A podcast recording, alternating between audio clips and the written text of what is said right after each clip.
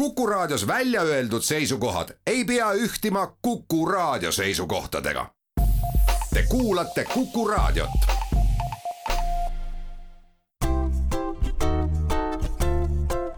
patsiendiminutid, Patsiendiminutid toob teieni Eesti Patsientide Liit. tere, head Kuku kuulajad mina olen Kadri Tammepuu ja me alustame viimase Patsiendiminutite saatega. patsiendiminutid on Kuku raadios eetris olnud tänaseks neli pool aastat ja alates septembrist on aeg teha ruumi uutele sarjadele. ka tänane saatekülaline minu vastas mikrofoni taga on naine, kes samuti septembri alguses ühe ukse enda taga suleb ja ikka selleks, et uus ja põnevam saaks avaneda. tere tulemast saatesse Ida-Tallinna Keskhaigla taastusravikliiniku juhataja Heidi Alasepp. tere, Kadri Heidi, sinust saab järgmisel nädalal Sotsiaalministeeriumi terviseala asekantsler. mis sundis sind kevadel äh, sellele kohale kandideerima, kas äh, sulle tundus, et eelmine asekantsler oli end ammendanud ja Eesti tervishoid vajas muutusi? no tõtt-öelda kandideerisin ma küll suvel konkursile, kui oli teada ka, et Maris Jess enam ei kandideeri. ammendumise osas ma ei ütleks mitte midagi peale selle, et äh, kui sa näed, et on abi vaja ja kui sa tunned, et äh, sa saad aidata ja oma teadmisi jagada ja panna need heas mõttes teenima Eesti ja meie inimeste jaoks, siis ma lähen sinna nagu missioonile, Kadri samas äh, Sotsiaalministeerium ei ole ju sulle võõras, äh, kuigi eelmine töökoht ministeeriumis jäi ju aastate taha, eks vist umbes viisteist aastat tagasi oli see. mida sa tollest ajast mäletad, millised teemad siis laudu põletasid? No tegelikult väga palju sarnasust on selles situatsioonis, et sellesse perioodi aastasse kaks tuhat kuus, kaks tuhat seitse jäi rahvastiku tervise arengukava tegemine ja samuti jäi sinna perioodi rahvusvaheline suur kriisiõppus Pandora. Ja, ja see oli just seotud äh, gripipandeemiaks valmistumisega, nii et äh, nagu võib öelda, et juhuseid ei ole just, sa mäletad sellest veel, et mis plaan toona kokku sai, kas sellest on nüüd äh, ka praegu Covidi vastu abi? on abi, ma julgeks öelda, et kuna mina alustasin selle praeguse pandeemia jälgimist eelmise aasta algusest. nii Wuhanist kui Lombardiast, sest meie koostööpartnerid on Itaalias ja väga paljud tegevused peatusid, siis loomulikult ma jälgisin nii palju, kui informatsiooni oli ja ausalt on mul olemas see vana gripipandeemia plaan. ma kookisin ka selle välja, et saada inspiratsiooni ja mõtteid, et kuulusin ma ju ka meie haigla kriisikomisjoni. nii et tegelikult kasvõi see, et sul on tugi, sul on teekond, see situatsioon muutub, kuid äh, sul on nagu kaks jalga maas, et sa oled seda situatsiooni varem enda ajus läbi mänginud, see on oluline õppused on olulised. no kindlasti, kui me räägime meeskonnast, siis Maarjo Mändmaa, toona oli temal küll teine eesnimi, oli samal ajal kantsler, kui sina ka ministeeriumis olid, sa olid toona siis tervishoiuosakonna juhataja, kas te saite hästi läbi? Jaa, ja tõtt-öelda Maarjoga on mul koostöökogemus just kriisialane aastast kaks tuhat kaks, kaks tuhat neli, kui tema oli Vabariigi Valitsuse kriisikomisjoni liige ja mina riikliku kriisireguleerimismeeskonna liige ja sellistes keerulistes situatsioonides õpid sa inimest väga hästi tundma ja ka koos tööd tegema, nii et see koostöö sujus meil väga hästi.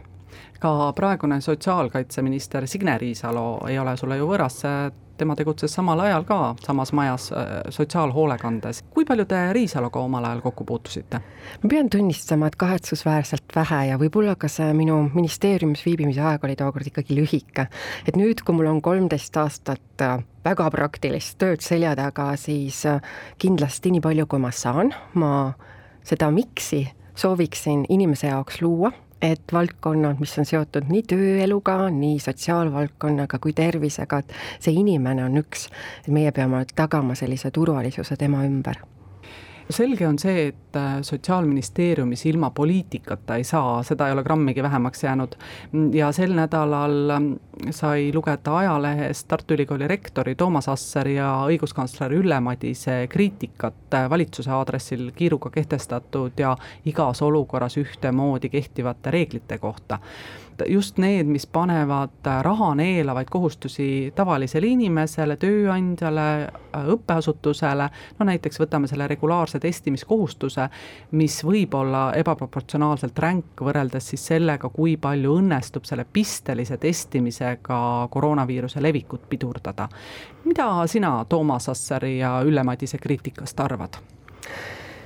Ma tegelikult olen selle pooleteist aasta jooksul enda jaoks väga palju filosofeerinud sellel teemal, et kuidas ja kas neid otsuseid tehakse.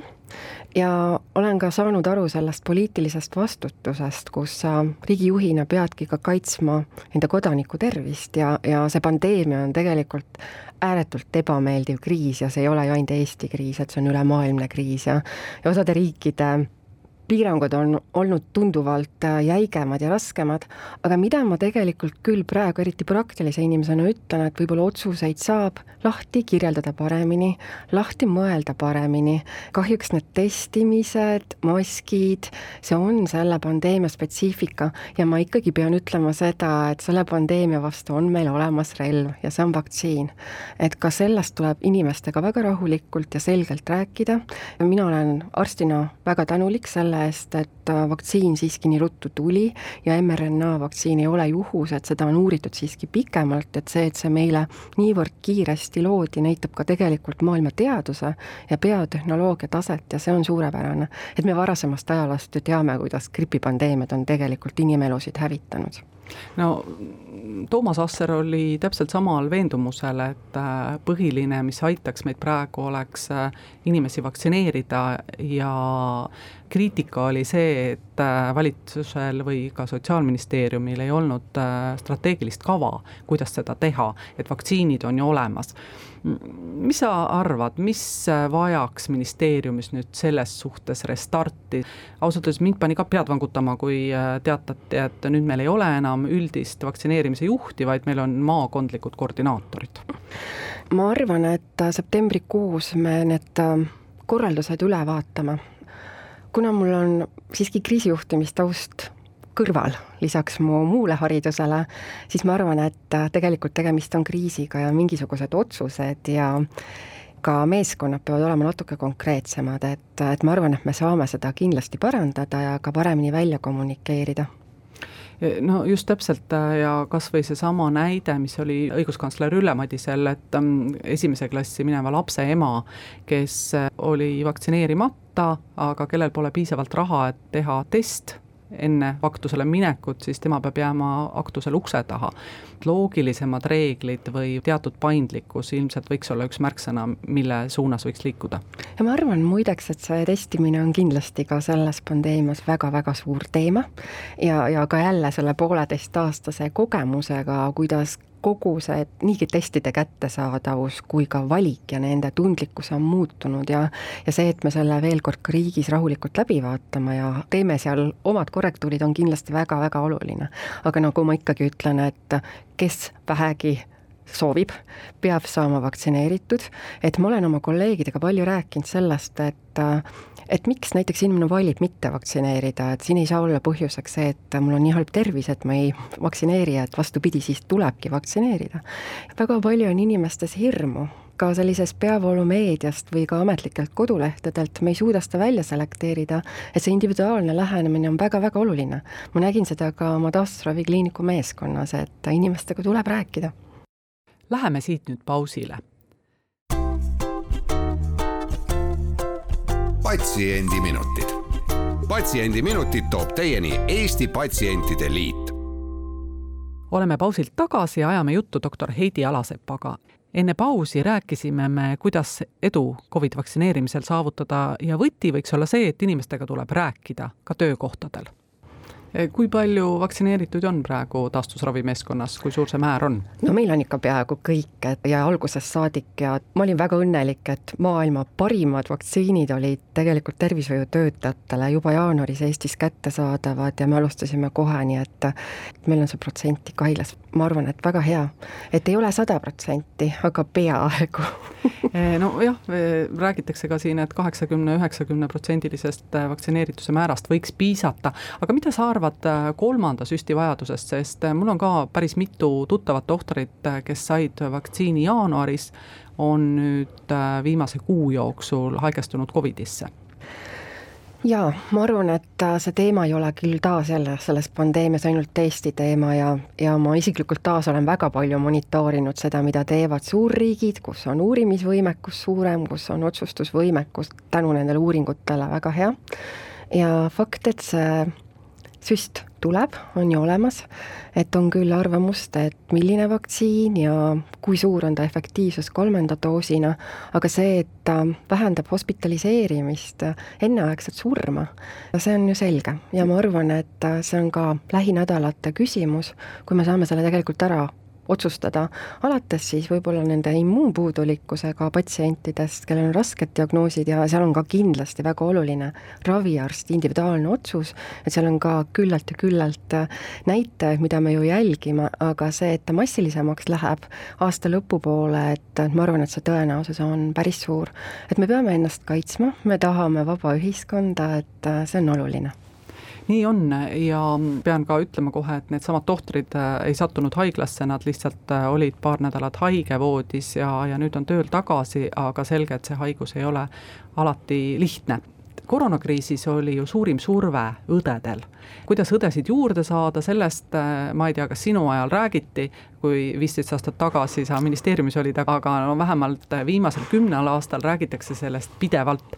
näiteks ähm, Toomas Asser tõi välja ühe mõtte, et võib-olla ei oleks meil vaja nii palju superharitud, äh, väga kaua koolis käinud õdesid, võib-olla lisada hoopis tervishoiu kõrgkoolidesse teatud lühikursused, just äh, nakkuspuhangute ajal oleks meil siis võimalik võtta teatud abiõdesid nii nagu meil on Kaitseliit Kaitseväe kõrval. tead, tegelikult see õdede teema on mulle väga-väga südamelähedane ja ma pean ütlema ka, et kui töötada ühe kliiniku juhatajana, siis sa ei pääse sellest teemast ja mul on olnud nii Tallinna kui Tartu Tervishoiu Kõrgkooliga nende aastate jooksul väga-väga hea koostöö. et nüüd ka ma tegelikult olin Terviseameti meditsiinijuhi staabis ja see, kui fantastiliselt kiirelt reageeriti, et ütleme ausalt, see, et meil tudengid tulid teise laine ajal appi haiglatesse. Ja mitte ainult õdede tudengid, vaid ka teised, äh, meie kliinikus näiteks olid tegevusteraapia noored kolleegid, et see oli täiesti fantastiline, et see annab sulle endale jõudu. pluss veel see, et äh, koolid valmistasid ette Covid osakondadesse vabatahtlikest äh, töötajaid ja minu arvates see ühendas ühiskonda, tuli juurde heas mõttes uut verd, ma arvan ka, et nii mõni neist täna alustab septembris kooliteed õena õppimiseks. selline koostöö on tohutult oluline ja, ja ma tõepoolest ootan juba, et oma uues ametis kaasa aidata sellele, et, et see järjepidevus oleks ja et sellised head mõtted, et kes on abiõde, et me tegelikult kasutame neid täna praktikantide näol, et see järjepidevus ja selle ameti tunnustus oleks väärt. Nii et võiks olla selline abiõdede reserv, keda kriisis kohe välja kutsuda, no nii nagu on meil Kaitseliit miks mitte, kuigi noh, ma arvan ka seda, et äh, selle reservi nagu heas mõttes elus hoidmine on päris raske, aga et ongi see, et sa oled valmis koolina ja õppejõududena reageerima ja neid inimesi tegelikult koolitama. ja meie koolid said sellel kevadel tõepoolest suurepäraselt sellega hakkama rääkides nüüd sõjapidamisest, äh, siis äh, üks teema, mis inimesi täna väga kõnetab, on see, mis toimub Afganistanis. sina oled üks neist äh, vähestest Eesti naistest, kes on käinud Afganistanis sõja ajal, tõsi, aastaid tagasi. kui sa nüüd vaatad, mis seal toimub, mis tunded sul tekivad ja kuidas sind mõjutas see Afganistanis käik? mina käisin Afganistanis aastal kaks tuhat seitse ja ma võin öelda, et see oli minu elu pöördepunkt ma õppisin sealt väga palju, ma muideks õppisin sealt ka väga kompaktselt tervishoiukorraldust, et militaarmeditsiin on väga konkreetne, alates tervisekaitsest kuni high-tech meditsiinini. aga ma õppisin ka seda, et äh, minu tunnetuse järgi religioonid ja rahvused on väga tugevad, me peame neid ka oskama austada, me peame aitama, kus me saame aidata.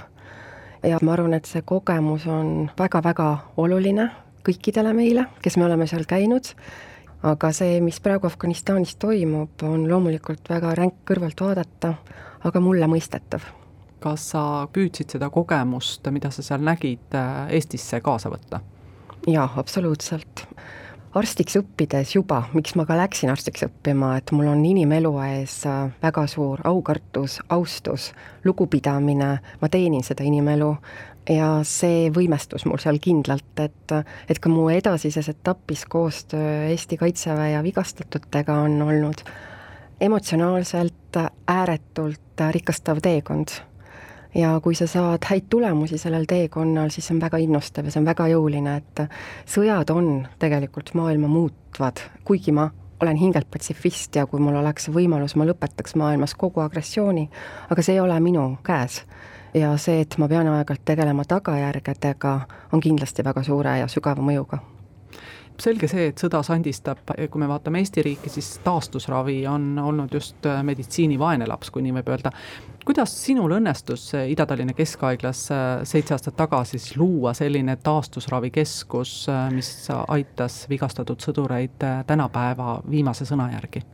ma arvan, et see oli kirg aidata inimesi, et minule isiklikult seda ju vaja ei olnud, aga mul olid patsiendid, kes abi vajasid ja ma nägin, et et see, mida me saame pakkuda, saab olla tunduvalt kvaliteetsem ja mul ongi väga hea meel, et sellised muudatused tegelikult muudavad süsteeme väga palju.